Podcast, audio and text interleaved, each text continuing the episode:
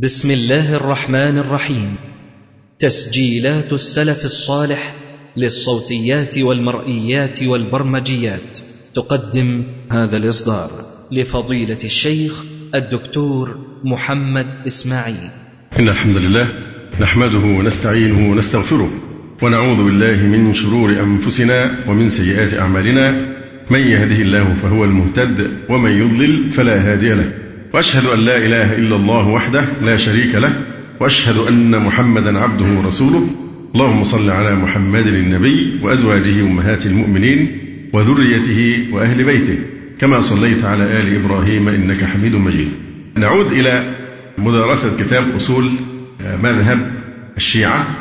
والأيام بتثبت أننا فعلا في حاجة وسنبقى في حاجة إلى نوع من المناعة ضد هذا الفيروس الشيعي الذي هو أخطر من إنفلونزا الخنازير وإنفلونزا الطيور وغيرها لأن السرطان الشيعي يتمدد في العالم ولعل الأحداث تؤكد يوما يوم بعد يوم أن في خطر خطر مقبل من الرافضة على الأمة الإسلامية وما يحدث في اليمن من الحروب التي تحصل من الحوثيين في اليمن بالوكالة دي كلها حروب بتكون بالوكالة زي حرب لبنان بتاعت حسن نصر هي وكيلة عن إيران في هذه الحروب. كذلك الحرب التي في اليمن الحوثيون هم وكلاء إيران في هذه الفتن التي يثيرونها من أجل التمدد وتصدير الثورة ونشر دينهم.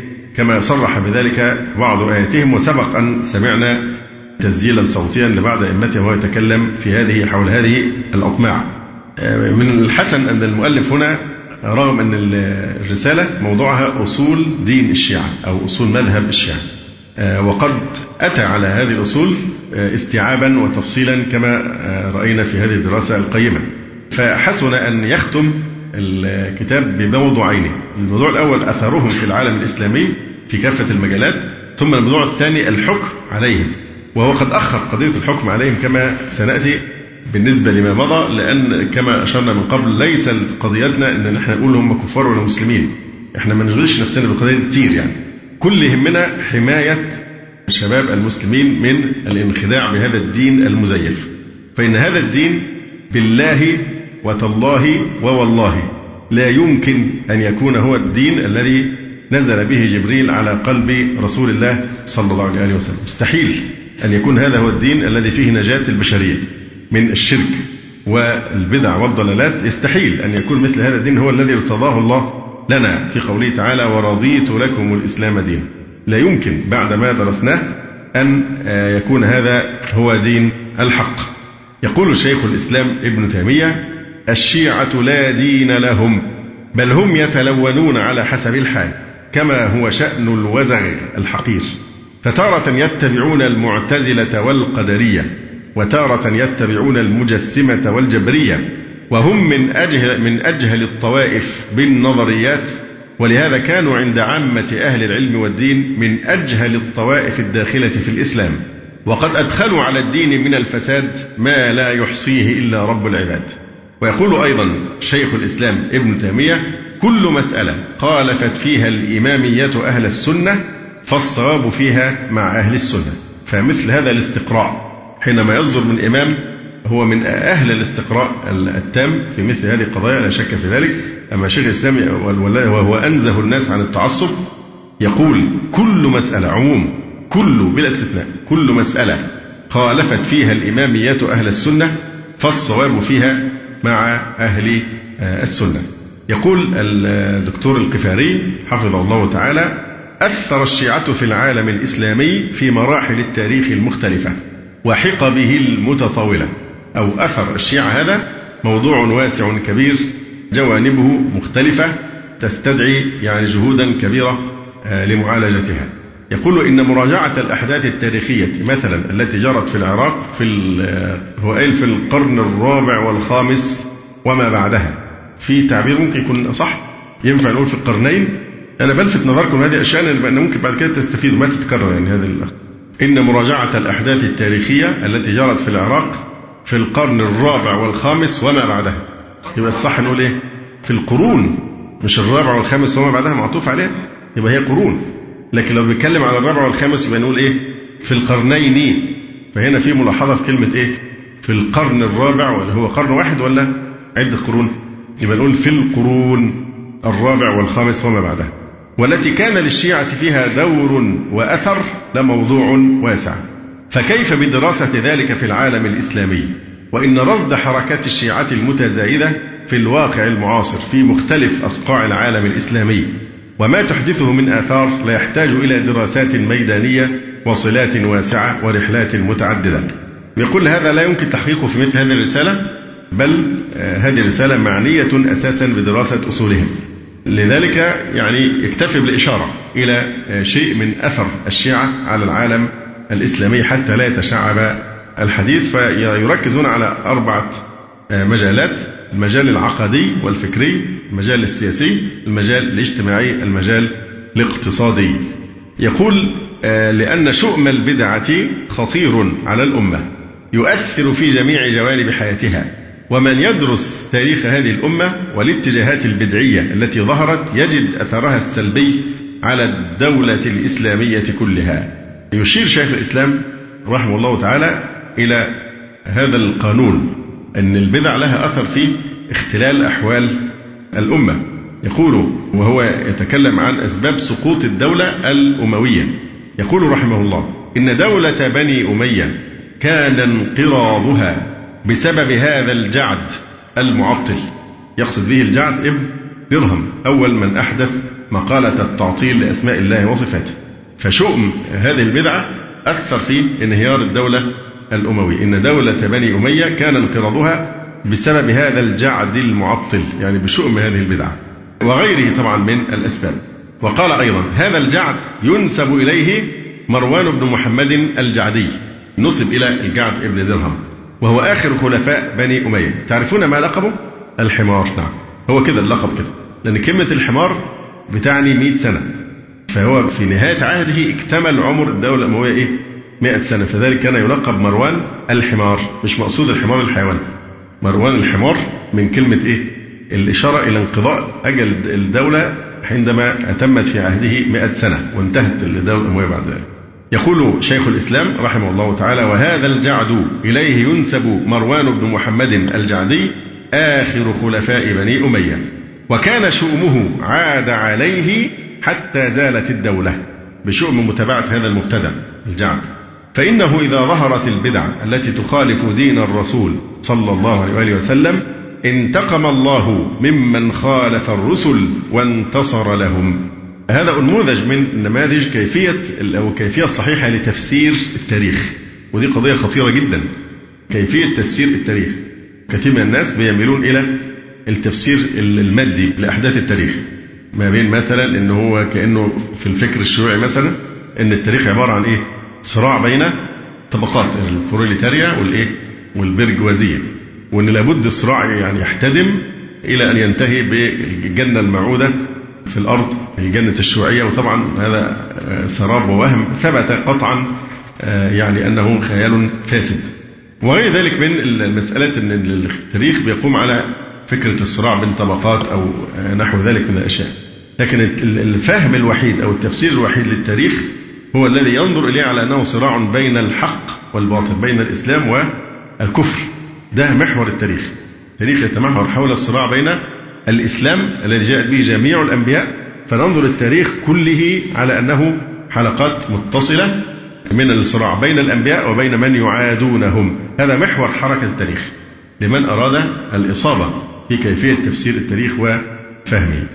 وهو يخالف يعني ما درج عليه كثير من المؤرخين الذين لا يفسرون أحداث التاريخ إلا بأسباب مادية بحتة وهو من العمل الذي لا يفقهه إلا أهل الإيمان. يبدأ أولا بذكر المجال العقدي والفكري فيذكر في صدر آثار وشؤم الرافضة على العالم الإسلامي إحداث الشرك في أمة محمد صلى الله عليه وآله وسلم. يقول لقد كان لعقيدتهم في الإمامة والإمام الأثر الواضح في إحداث الشرك والشركيات في العالم الإسلامي. بل قرر طائفة من أهل العلم أن الشيعة هم أول من أحدث الشرك وعبادة القبور في الأمة المحمدية. فقد تحول غلو الشيعة في أئمتها إلى غلو في قبور هؤلاء الأئمة. ووضعوا روايات لمساندة مسيرتهم الوثنية. يقول شيخ الإسلام ابن تيمية رحمه الله تعالى وأول من وضع هذه الأحاديث في السفر لزيادة المشاهد التي على القبور أهل البدع من الروافض ونحوهم الذين يعطلون المساجد ويعظمون المشاهد التي يشرك فيها ويكذب فيها ويبتدع فيها دين لم ينزل الله به سلطانا. فإن الكتاب والسنة إنما فيهما ذكر المساجد دون المشاهد وهذه خصيصة الرافضة أنهم دائما يعظمون المشاهد ويهجرون المساجد واللي بيذهب المدينة ما ينساش المنظر ده يشوفه بعد صلاة الفجر في الغالب. يبقى الناس خارجين من المسجد النبوي الشريف من صلاة الفجر وتبص تلاقي الروافد جايين منين؟ ناحية البقيع. ده يوميا. جايين من البقيع. بيعملوا إيه في البقيع؟ كانت صلاة الفجر وهذا وقتها. فهذا الولع الشديد عند الرافضة بالمقابر ولع شديد يصل للجنون على حساب المساجد. يقول واليوم أصبحت مشاهد الشيعة ومزاراتها موطنا للشرك وعبادة غير الله سبحانه وتعالى. وتحدث الكثير ممن زار ديار الشيعة عن هذه المظاهر الشركية. وقد سرى هذا البلاء إلى بعض ديار السنة. والرافضة هم الأصل فيه وكتبهم تشهد له وتؤيده.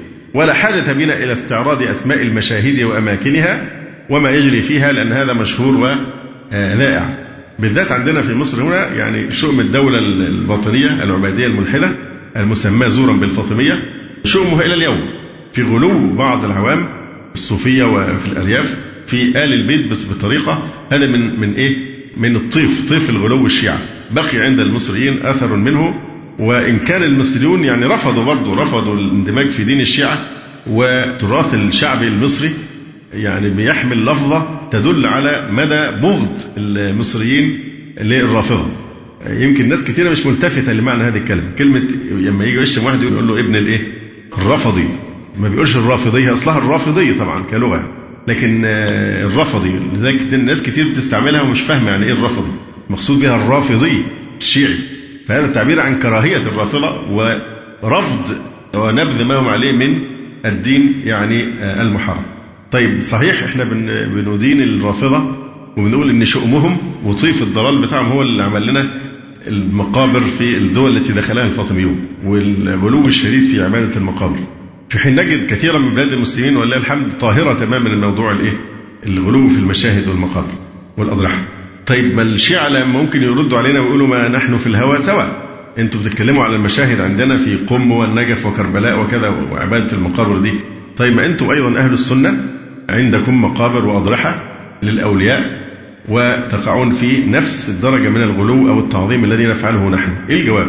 الفرق بين موضوع الانحراف الموجود عند أهل السنة أو بعض المسلمين المنتسبين لأهل السنة في قضية المقابر والمشاهد وبين وبين الرافضة أن الغلو في المشاهد والمقابر هذه أصولهم أصولهم تدعو إليه وتعتمده وتسانده يعني في هذا من أصول دينهم تعظيم المشاهد من أصول الدين. عندهم أحاديث وروايات وخرافات كما ذكرنا كلها تعتبر هذا من الالتزام بالدين فهي جزء من الدين.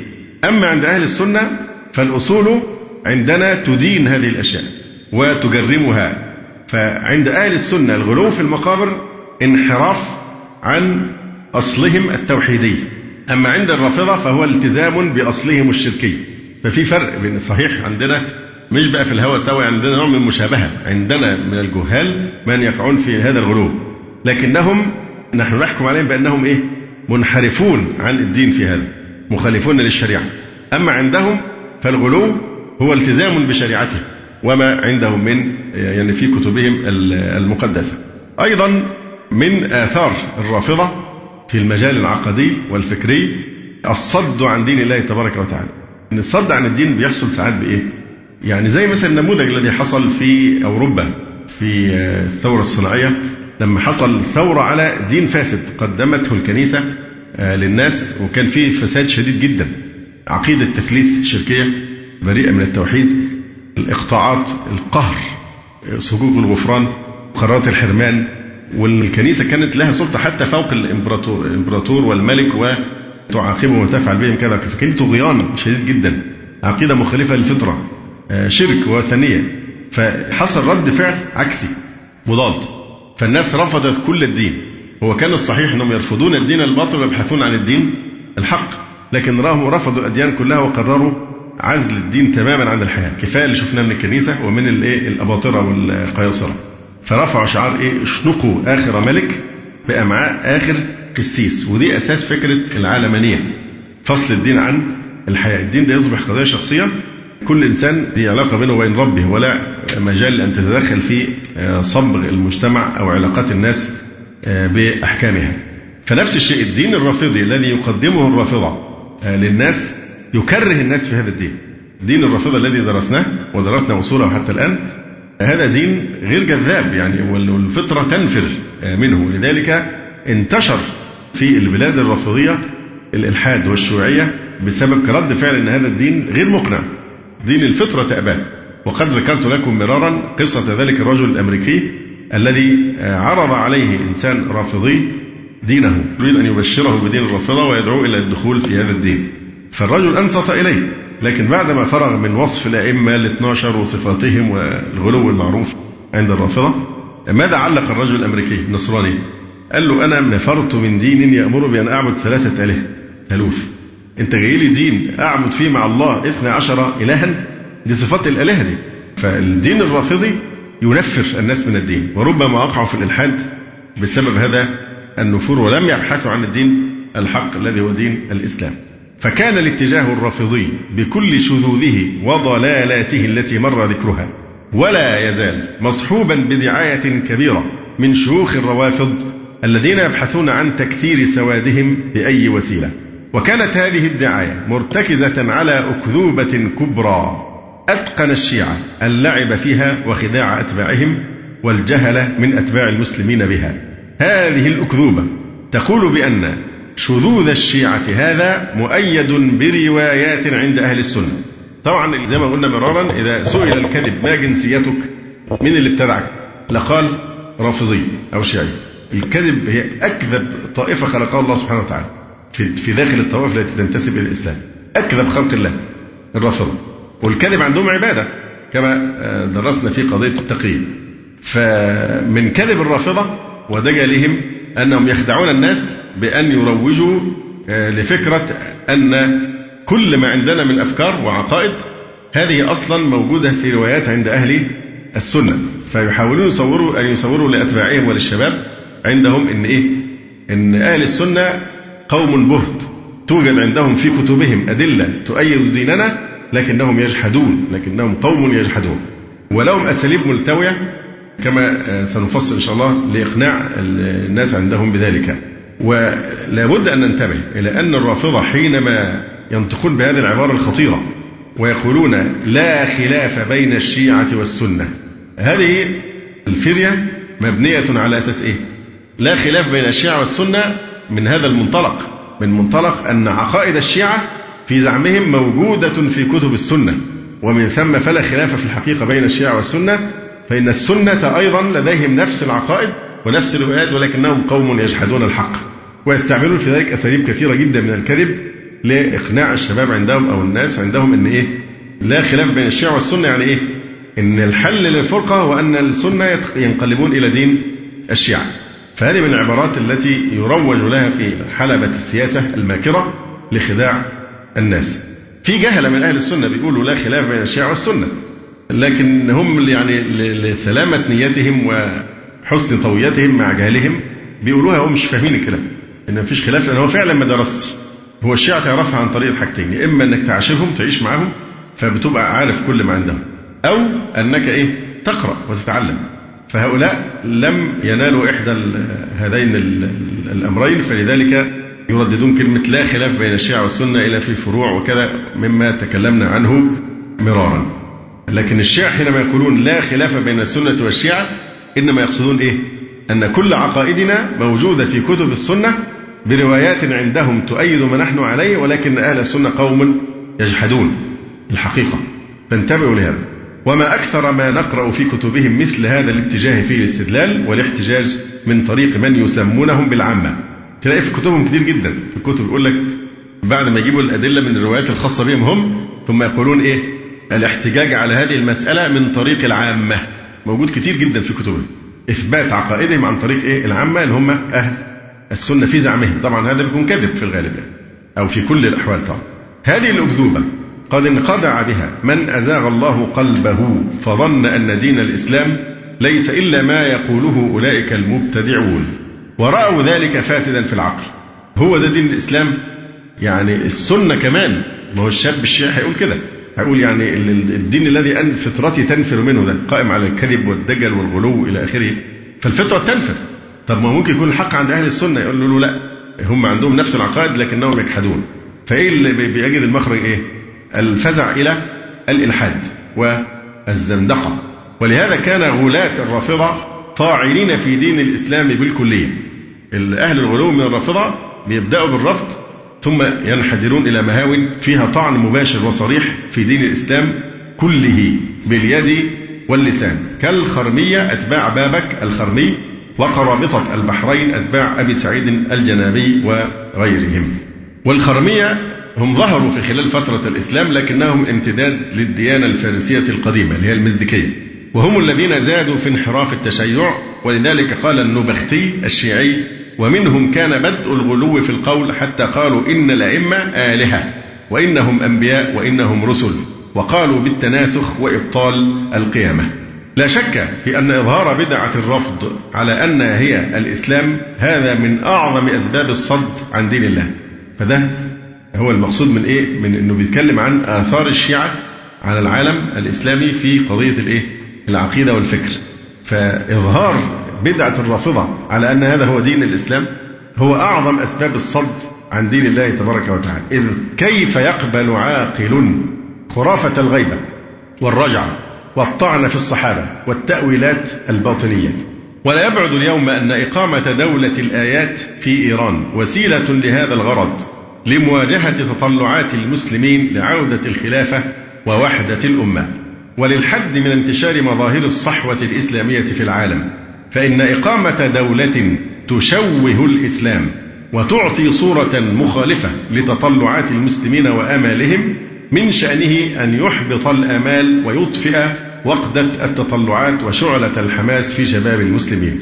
والمستعمر الكافر معني بمعرفة هذه الاتجاهات البدعية على يد ثلة ممن يسمون بالمستشرقين والذين يعمل معظمهم كمستشارين في وزارات الخارجية وبالتالي فإن سياسات الدول الكبرى تتخذ منهجها من تقارير المستشرقين المبنية على دراسة تاريخية وطائفية لأمة الإسلام. والمستعمر الكافر لم ينس تاريخه معنا كما شهدت بذلك مواقفه وأقوال بعض قادته وكما كشف ذلك بعض الأوروبيين الذين دخلوا في الإسلام كالأستاذ محمد أسد كان صحفي نمساوي. اسمه ليوبولد فايس. ثم تسمى بعد ذلك بإيه؟ محمد أسد.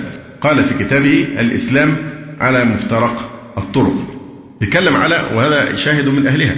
بيقول بيتكلم على شبح الحروب الصليبية. يقول إن الحروب الصليبية هي التي عينت في المقام الأول والمقام الأهم موقف أوروبا من الإسلام لبضعة قرون تتلو. ويقول لقد استفادت أوروبا أكثر مما استفاد العالم الإسلامي منها ولكنها لم تعترف بهذا الجميل. وذلك بأن تنقص من بغضائها للإسلام بل كان الأمر على العكس فإن تلك البغضاء قد نمت مع تقدم الزمن ثم استحالت عادة. كانت هذه البغضاء تغمر الشعور الشعبي كلما ذكرت كلمة مسلم. ودخلت في الأمثال السائرة عندهم حتى نزلت في قلب كل أوروبي رجلا كان أو امرأة. أصبحت كلمة مسلم وطبعا في العصور الأخيرة دعم هذا النفور عن طريق كلمة إيه؟ الإرهابيين والأصوليين والرجعيين إلى آخره. مما يؤيد هذا الكلام أحد الإخوة عاش فترة طويلة في إيطاليا حكى لي أن الأمهات هناك إذا أرادت الأم أن تخوف أبنائها ما بتقولش هنا زي ما بيحصل عندنا أبو رجل مسلوخة وكذا وكذا. نرجو ما يكونش في حد بيستعمل الكلام ده دلوقتي. لكن عندهم بقى لما بيجي يخوف الأطفال يقولوا هنجيب لك مين؟ صلاح الدين. بتعبير أدق يعني رغم أن أوروبا إلى حد ما تخلت عن الدين أساسا في ظل العلمانية لكن يبقى الموروث اللي بيستعصي على التغيير اللي هو بيسموه في علم النفس الإيه؟ العقل أو اللاوعي الجمعي النماذج الأصلية يعني في حاجات ترسخ كالجذور في الإنسان وبتنتقل عبر أجيال دون أن يكون واعيا بها ويتحكم فيه رغم أن العقل يقول أن أن أوروبا المفروض هي غير متدينة لكن مترسخ بغض الإسلام ومتوارث مع الأجيال. فعلى أي الأحوال لا شك أن قيام دولة الآيات وتصاعد المد الشيعي في العالم الإسلامي لا شك أن له آثاره في الصد عن سبيل الله وظهور الزندقة المقنعة التي ينخدع بها المسلمون وهذا هو الداء الأكبر. وهذا ما يتضح من المسألة التالية وهي ظهور فرق الزندقة والإلحاد. يذكر شيخ الإسلام ابن تيمية رحمه الله تعالى. أن مبدأ ضلال الإسماعيلية والنصيرية وغيرهم من الزنادقة الملحدين المنافقين تصديق الرافضة في أكاذيبهم التي يذكرونها في تفسير القرآن والحديث. يعني أن الشيعة دائما كانوا هم البوابة لفرق الزندقة والإلحاد والغلو الذي زاد على غلو الرافضة الإمامية أساسا. كان أئمة العبيديين إنما يقيمون مبدأ دعواهم بالأكاذيب التي اختلقتها الرافضة. فنفس العبيديون وأئمتهم بيبنوا كلامهم على إيه؟ بينطلقوا نقطة الانطلاق هي أفكار وعقائد الرافضة الإمامية. ليستجيب لهم بذلك الشيعة الضلال. ثم ينقلون الرجل من القدح في الصحابة إلى القدح في علي ثم القدح في الألوهية. كما رتبه لهم صاحب البلاغ الأكبر والناموس الأعظم. ولهذا كان الرفض أعظم باب ودهليز إلى الكفر والإلحاد. فالرافضة كما يقول شيخ الإسلام هم الباب لهؤلاء الملحدين منهم يدخلون إلى سائر أصناف الإلحاد في أسماء الله وآيات كتابه المبين كما قرر ذلك رؤوس الملاحدة من القرامطة والباطنية وغيرهم من المنافقين. وقد تبين فيما مضى كيف أن روايات الاثني عشرية وأحاديثها التي يزعمون تلقيها عن آل البيت هي المناخ الملائم والتربة الصالحة لظهور الأفكار الغالية وخروج الفرق الملحدة لأنها جمعت حثالة آراء وأقوال الفرق الشيعية الشاذة بمختلف اتجاهاتها والتي فرقت الأمة وأفسدت عليها أمرها والتي وصلتنا أقوالها بواسطة كتب الفرق والمقالات ثم وجدنا روايات الاثني عشرية تشهد لهذه الاتجاهات وتؤيدها.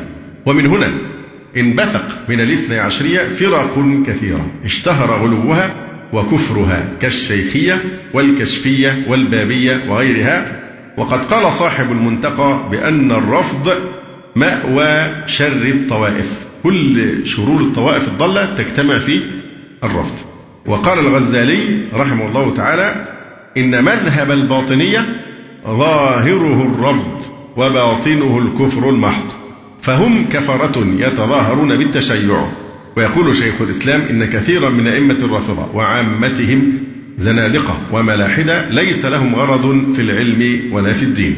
إذا جو الشيعة مناخ خصب لمختلف النحل والأهواء ولذلك سجل الشيخ محب الدين الخطيب رحمه الله تعالى أن التشيع كان عاملا من عوامل انتشار الشيوعية والبهائية في إيران.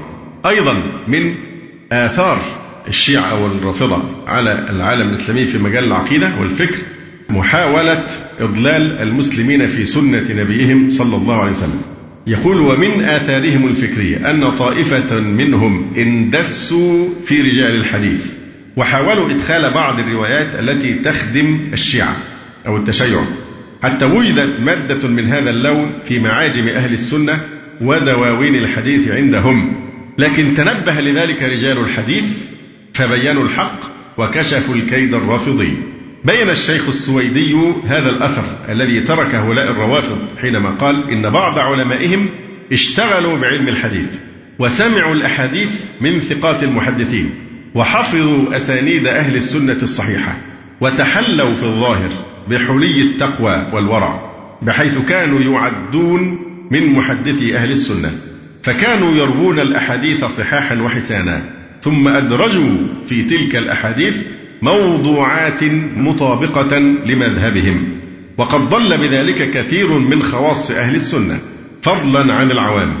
ولكن الله سبحانه وتعالى قيض بفضله أئمة الحديث فأدركوا الموضوعات فنصوا على وضعها فتبين حالها حينئذ والحمد لله على ذلك. لأن الله سبحانه وتعالى كما تكفل بحراسة القرآن الكريم وصيانته من التحريف كذلك أيضا تكفل بحراسة السنة. ولذلك لما قيل للإمام عبد الله بن مبارك رحمه الله تعالى هذه الأحاديث الموضوع نعمل إيه فيها؟ حديث موضوع كتير. هذه الأحاديث الموضوع. هل أجاب كما يجيب الضالون الآن نترك السنة كلها لأنه لا وثوق فيها؟ وإنما أجاب مبينا أن المنهج الحقيقي هو إيه؟ غربلة هذه الأحاديث على ضوء القواعد العلمية وفصل الزائف ورفضه ثم الاحتجاج بما صح من السنة. لما قيل لابن المبارك هذه الأحاديث الموضوعة فقال رحمه الله تعالى يعيش لها جهابذة الرجال. إنا نحن نزلنا الذكر وإنا له لحافظون. فالسنة أيضا حفظت. وإذا قيل أن السنة أو الأحاديث تختلط على الناس أحيانا فنقول نعم تختلط على الجاهل. أما العالم وأما صيرفة الأحاديث ونقادها فلا تختلط عليه. أقرت طائفة من الرافضة بالوضع بعدما انكشفت حالهم يقول السويدي وتلك الأحاديث الموضوعة إلى الآن موجودة في المعاجم والمصنفات وقد تمسك بها أكثر التفضيلية والمتشيعة. طبعا المفضلة هم الذين يفضلون عليا على أبي بكر وعمر كالزيدية. يقول الألوسي وهو يبين أن ممن استخدم هذه الوسيلة وسيلة الاندساس في داخل أهل السنة ثم الترويج ل وإدراج زيادات تخدم دينه جابر الجعفي وذكر ابن القيم أن الحافظ أبا يعلى قال في كتابه الإرشاد وضعت الرافضة من فضائل علي رضي الله عنه وأهل البيت. شوف المفترين الافتراء يعني قد إيه وضعوا أحاديث؟ 300 ألف حديث 300 ألف حديث وضعوها في فضائل إيه؟ علي وآل البيت.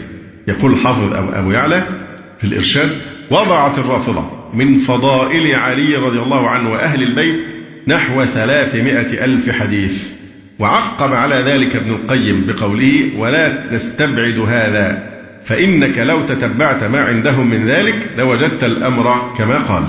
إذا محاولة إضلال المسلمين في سنة النبي محاولة التسلل إلى السنة ثم إدراج الأحاديث الضعيفة والموضوعة لخدمة مذهبهم. هذا أيضا تصدى له علماء أهل السنة. لكنها ما زالت موجودة في بعض الكتب الإيه؟ المسندة لكن عند دراسة الأسانيد يتضح أنها مكذوبات وموضوعات. أيضا من آه، أساليب الرافضة ومن آه، آثارهم الخطيرة في هذا المجال دخولهم في مذهب أهل السنة في الظاهر لأجل الإضلال.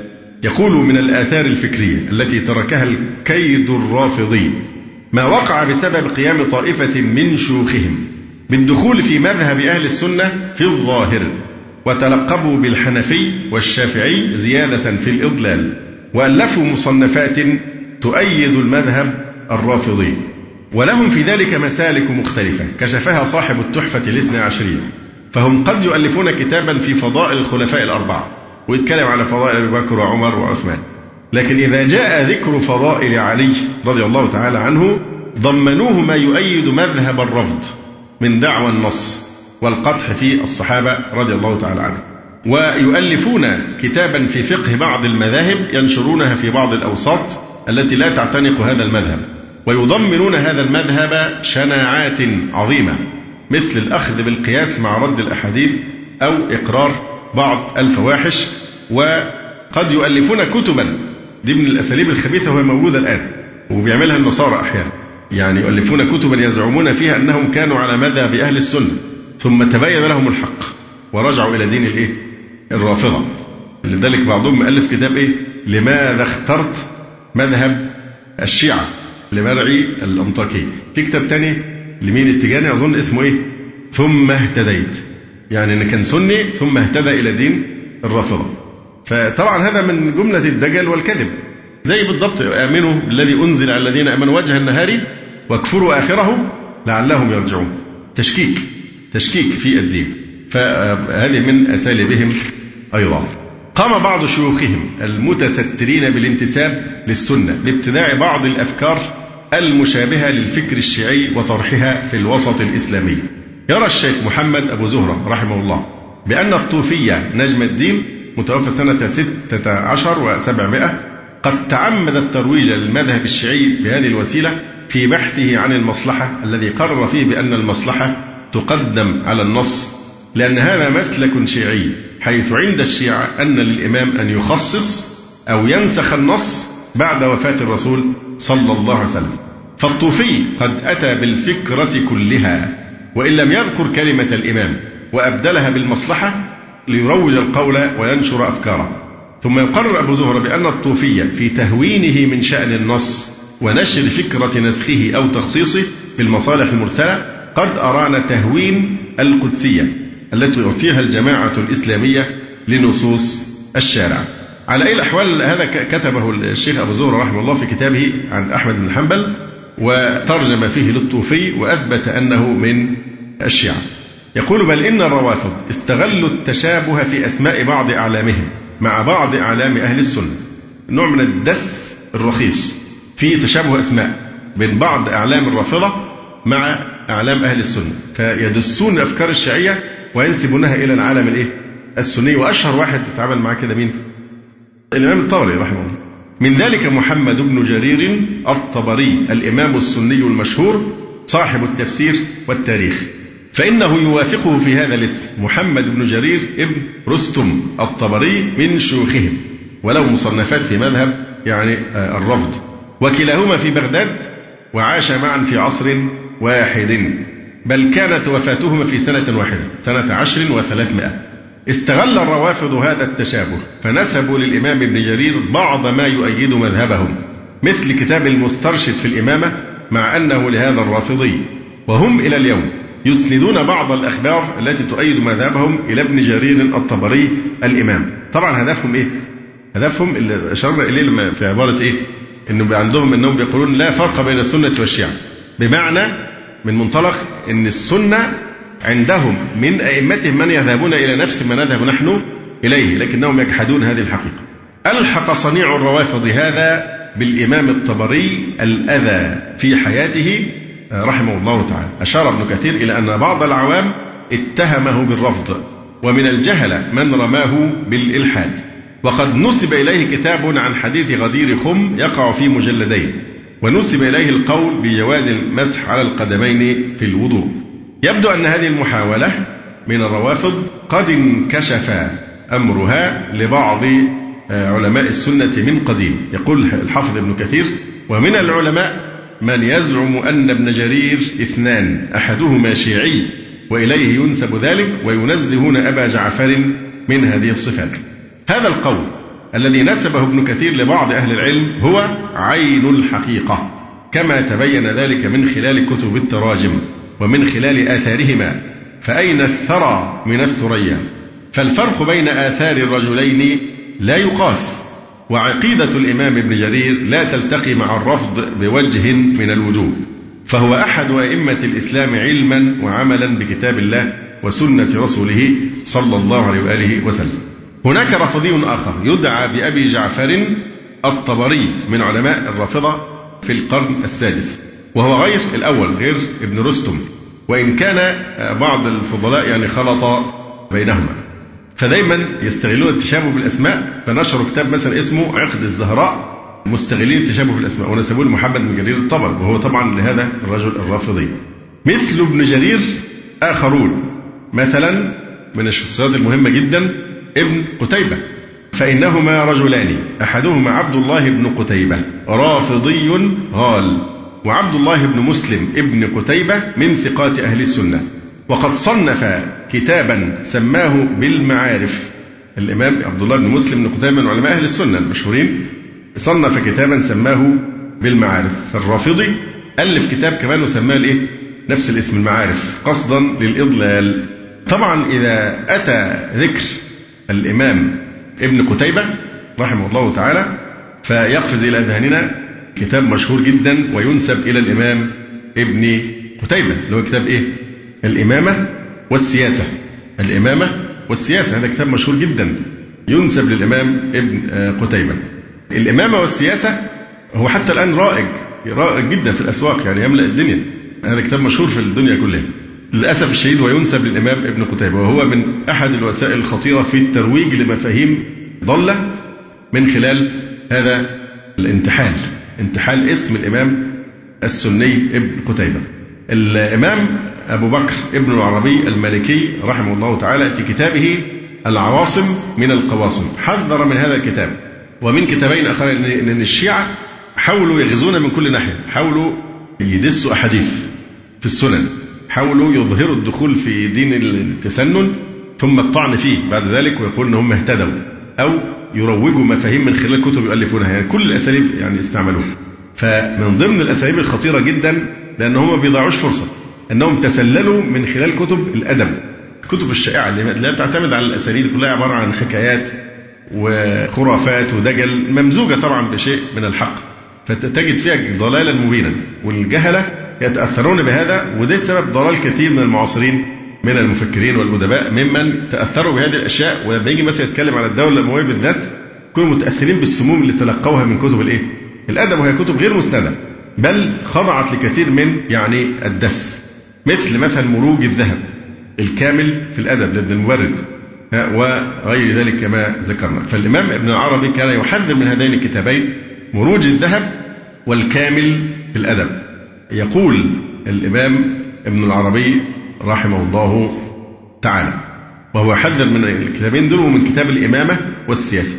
يقول إنما ذكرت لكم هذا لتحترزوا من الخلق وخاصة من المفسرين والمؤرخين وأهل الآداب فإنهم أهل جهالة بحرمات الدين أو على بدعة مصرين فلا تبالوا بما رووا ولا تقبلوا رواية إلا عن أئمة الحديث. ولا تسمعوا لمؤرخ كلاما إلا للطبري وغير ذلك هو الموت الأحمر والداء الأكبر. فإنهم ينشئون أحاديث استحقار الصحابة والسلف والاستخفاف بهم واختراع الاسترسال في الأقوال والأفعال عنهم وخروج مقاصدهم عن الدين إلى الدنيا وعن الحق إلى الهوى. فإذا قاطعتم أهل الباطل واقتصرتم على رواية العدول سلمتم من هذه الحبائل ولم تطووا كشحا على هذه الغوائل. ومن أشد شيء على الناس جاهل عاقل أو مبتدع محتال. فأما الجاهل فهو ابن قتيبة.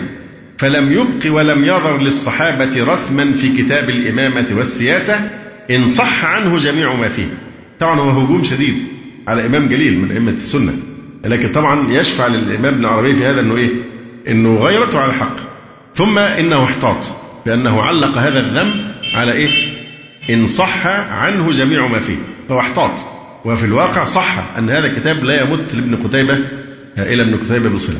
يقول ومن أشد شيء على الناس جاهل عاقل أو مبتدع محتال فأما الجاهل فهو ابن قتيبة.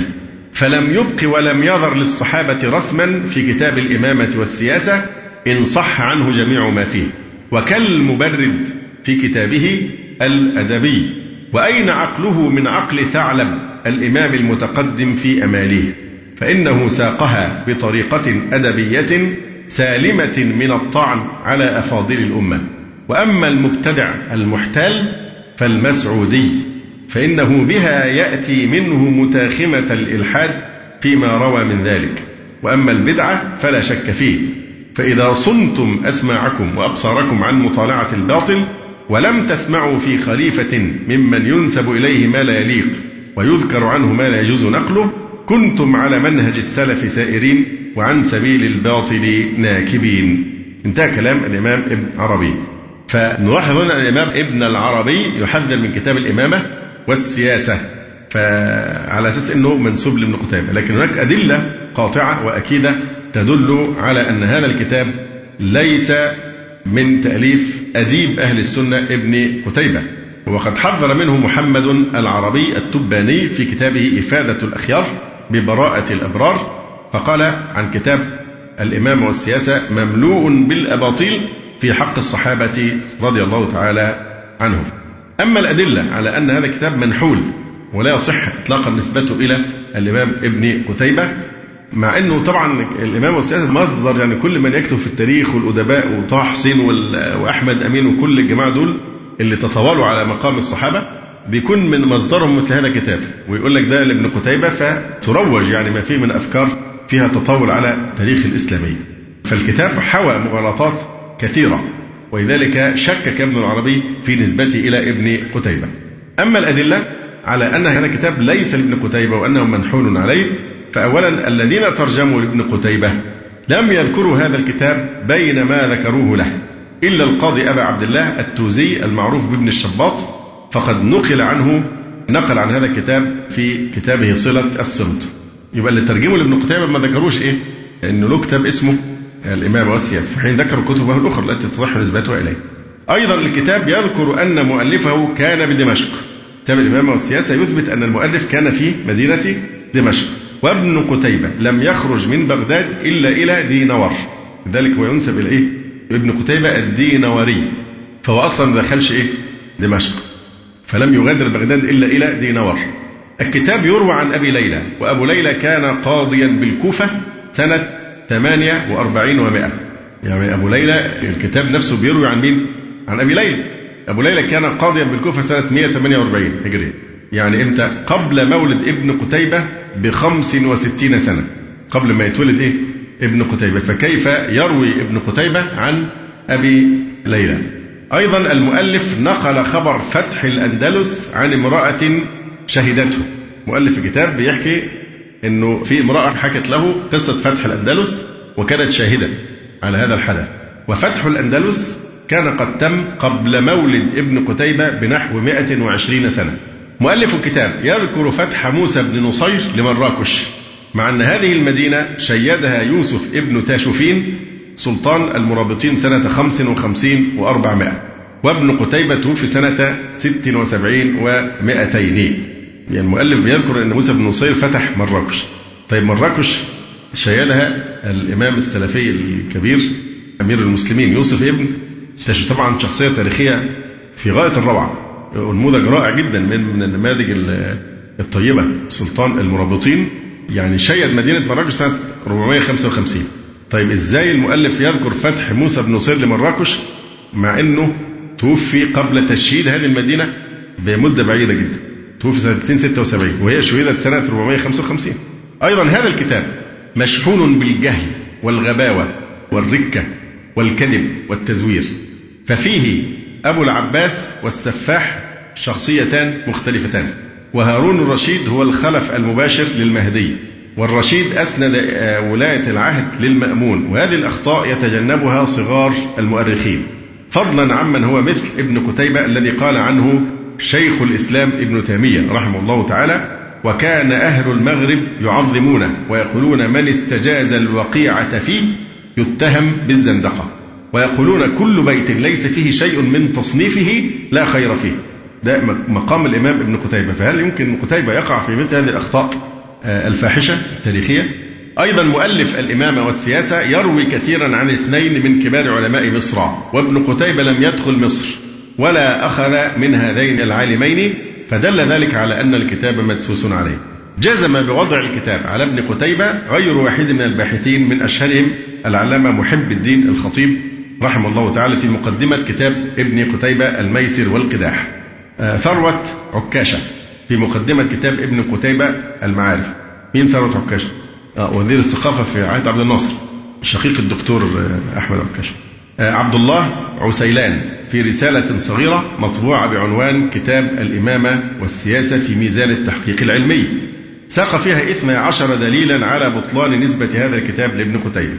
عبد الحليم عويس في كتابه بنو أمية بين الضربات الخارجية والانهيار الداخلي سيدة إسماعيل الكاشف في كتاب مصادر التاريخ الإسلامي قدمت في الجامعة الأردنية في كلية الآداب سنة 1978 رسالة ماجستير عنوانها الإمامة والسياسة دراسة وتحقيق. قال الباحث فيها على ضوء هذه الدراسة فقد تبين أن ابن قتيبة الدينوري بعيد عن كتاب الإمامة والسياسة وبنفس الوقت فإنه لم يكن بالإمكان معرفة مؤلف الكتاب مع تحديد فترة وفاته بحوالي أواسط القرن الثالث الهجري. وقال أيضا إن النسخ المتوفرة من الكتاب المخطوطة منها عشر نسخ والمطبوعة تنسب إلى ابن قتيبة. جزم ببطلان نسبة هذا الكتاب لابن قتيبة السيد أحمد صقر في مقدمة تحقيقه لتأويل مشكل القرآن. لأن قتيبة له كتابان مشهوران جدا. تأويل مشكل القرآن وإيه؟ وتأويل مختلف الحديث. أنتم طبعا لو تعرفوا خطورة كتاب الإمامة والسياسة ومدى رواجه عند دارس التاريخ والأدباء والمفكرين لا آه، عذرتموني في آه، هذا الاستطراد في التحذير من نسبة هذا الكتاب إلى الإمام ابن قتيبة آه، رحمه الله تعالى. هو هنا الحقيقة المؤلف علق على هذا الموضوع يقول احتار الباحثون في نسبة كتاب الإمامة إلى ابن قتيبة السني لما فيه من أباطيل وحاول بعضهم التعرف على المؤلف فلم يفلح حتى قال لقد حاولت كثيرا أن أتعرف على شخصية المؤلف الحقيقي لكتاب الإمامة والسياسة ولكني لم أعثر على شيء. هنا المؤلف الدكتور قفاري بيقول غاب عنه عن الكثيرين الدسائس الرافضية وأن ابن قتيبة رجلان وكتاب الإمامة والسياسة هو لذلك الرافضي بل لم أرى من نبه على ذلك مع أهميته. طبعا هنا نختلف مع الدكتور قفاري ما تجيش كده. في بحث علمي ما تجيش بالطريقة دي. إحنا مدركين في ابن قتيبة حقيقي وفي ابن قتيبة رافضي. يعني كتاب الإمام السني وفي التشابه أسماء معروف. لكن إحنا بنؤكد إيه اللي يهمنا؟ أن كتاب الإمام والسياسة لا تصح نسبته إلى الإمام ابن قتيبة السني الدينوري أما أنه بما أنه لا يصح إليه فلازم إحنا كمان نلصقه بابن قتيبة الرافضي فده ما يكونش إلا بدليل. فأقصى ما نستطيع أن نقوله أن إننا لا نعرف من مؤلف الكتاب. هو ما شرفناش إحنا نعرف مين ما يخصناش كتير. لكن ده لا يسوي لنا إن إحنا نلصقه بابن قتيبة إيه؟ الآخر اللي هو الشيعي. ما تجيش كده خالص. وهو يعني كأنه اعتبر نفسه عمل كشف كبير فبيقول بل لم أرى من نبه على ذلك مع أهميته. لأن هذا لا يتوافق مع المنهج العلمي هذا الدليل كأن تكون مخطوطة بخط مثلا ابن قتيبة الرافضي أو أي شيء من الأدلة المعروفة في إثبات نسبة المخطوطات لأصحابها. أما أن بمجرد أن في تشابه أسماء يبقى بما أن إذا بما أننا نبرئ ابن قتيبة السني إذا لابد أن نلصقه بابن قتيبة الرافضي. هذا أسلوب فيه نظر الله تعالى أعلم نكتفي بهذا القدر. أقول قولي هذا. استغفر الله لي ولكم. سبحانك اللهم ربنا وبحمدك. أشهد أن لا إله إلا أنت. أستغفرك وأتوب إليك. جزى الله فضيلة الشيخ خير الجزاء ونسأل الله جل وعلا أن يرفع مكانة الشيخ في المهديين وأن يجعله علما من أعلام الهدى والدين. ولا تنسونا وتنسوا الشيخ من دعوة صادقة بظهر الغيب. وتقبلوا تحيات إخوانكم في تسجيلات السلف الصالح بالإسكندرية. هاتف رقم صفر ثلاثة فاصل أربعة تسعة. أربعة سبعة ستة خمسة اثنان. والتليفون محمول صفر عشرة واحد ستة أربعة واحد تسعة ثمانية صفر.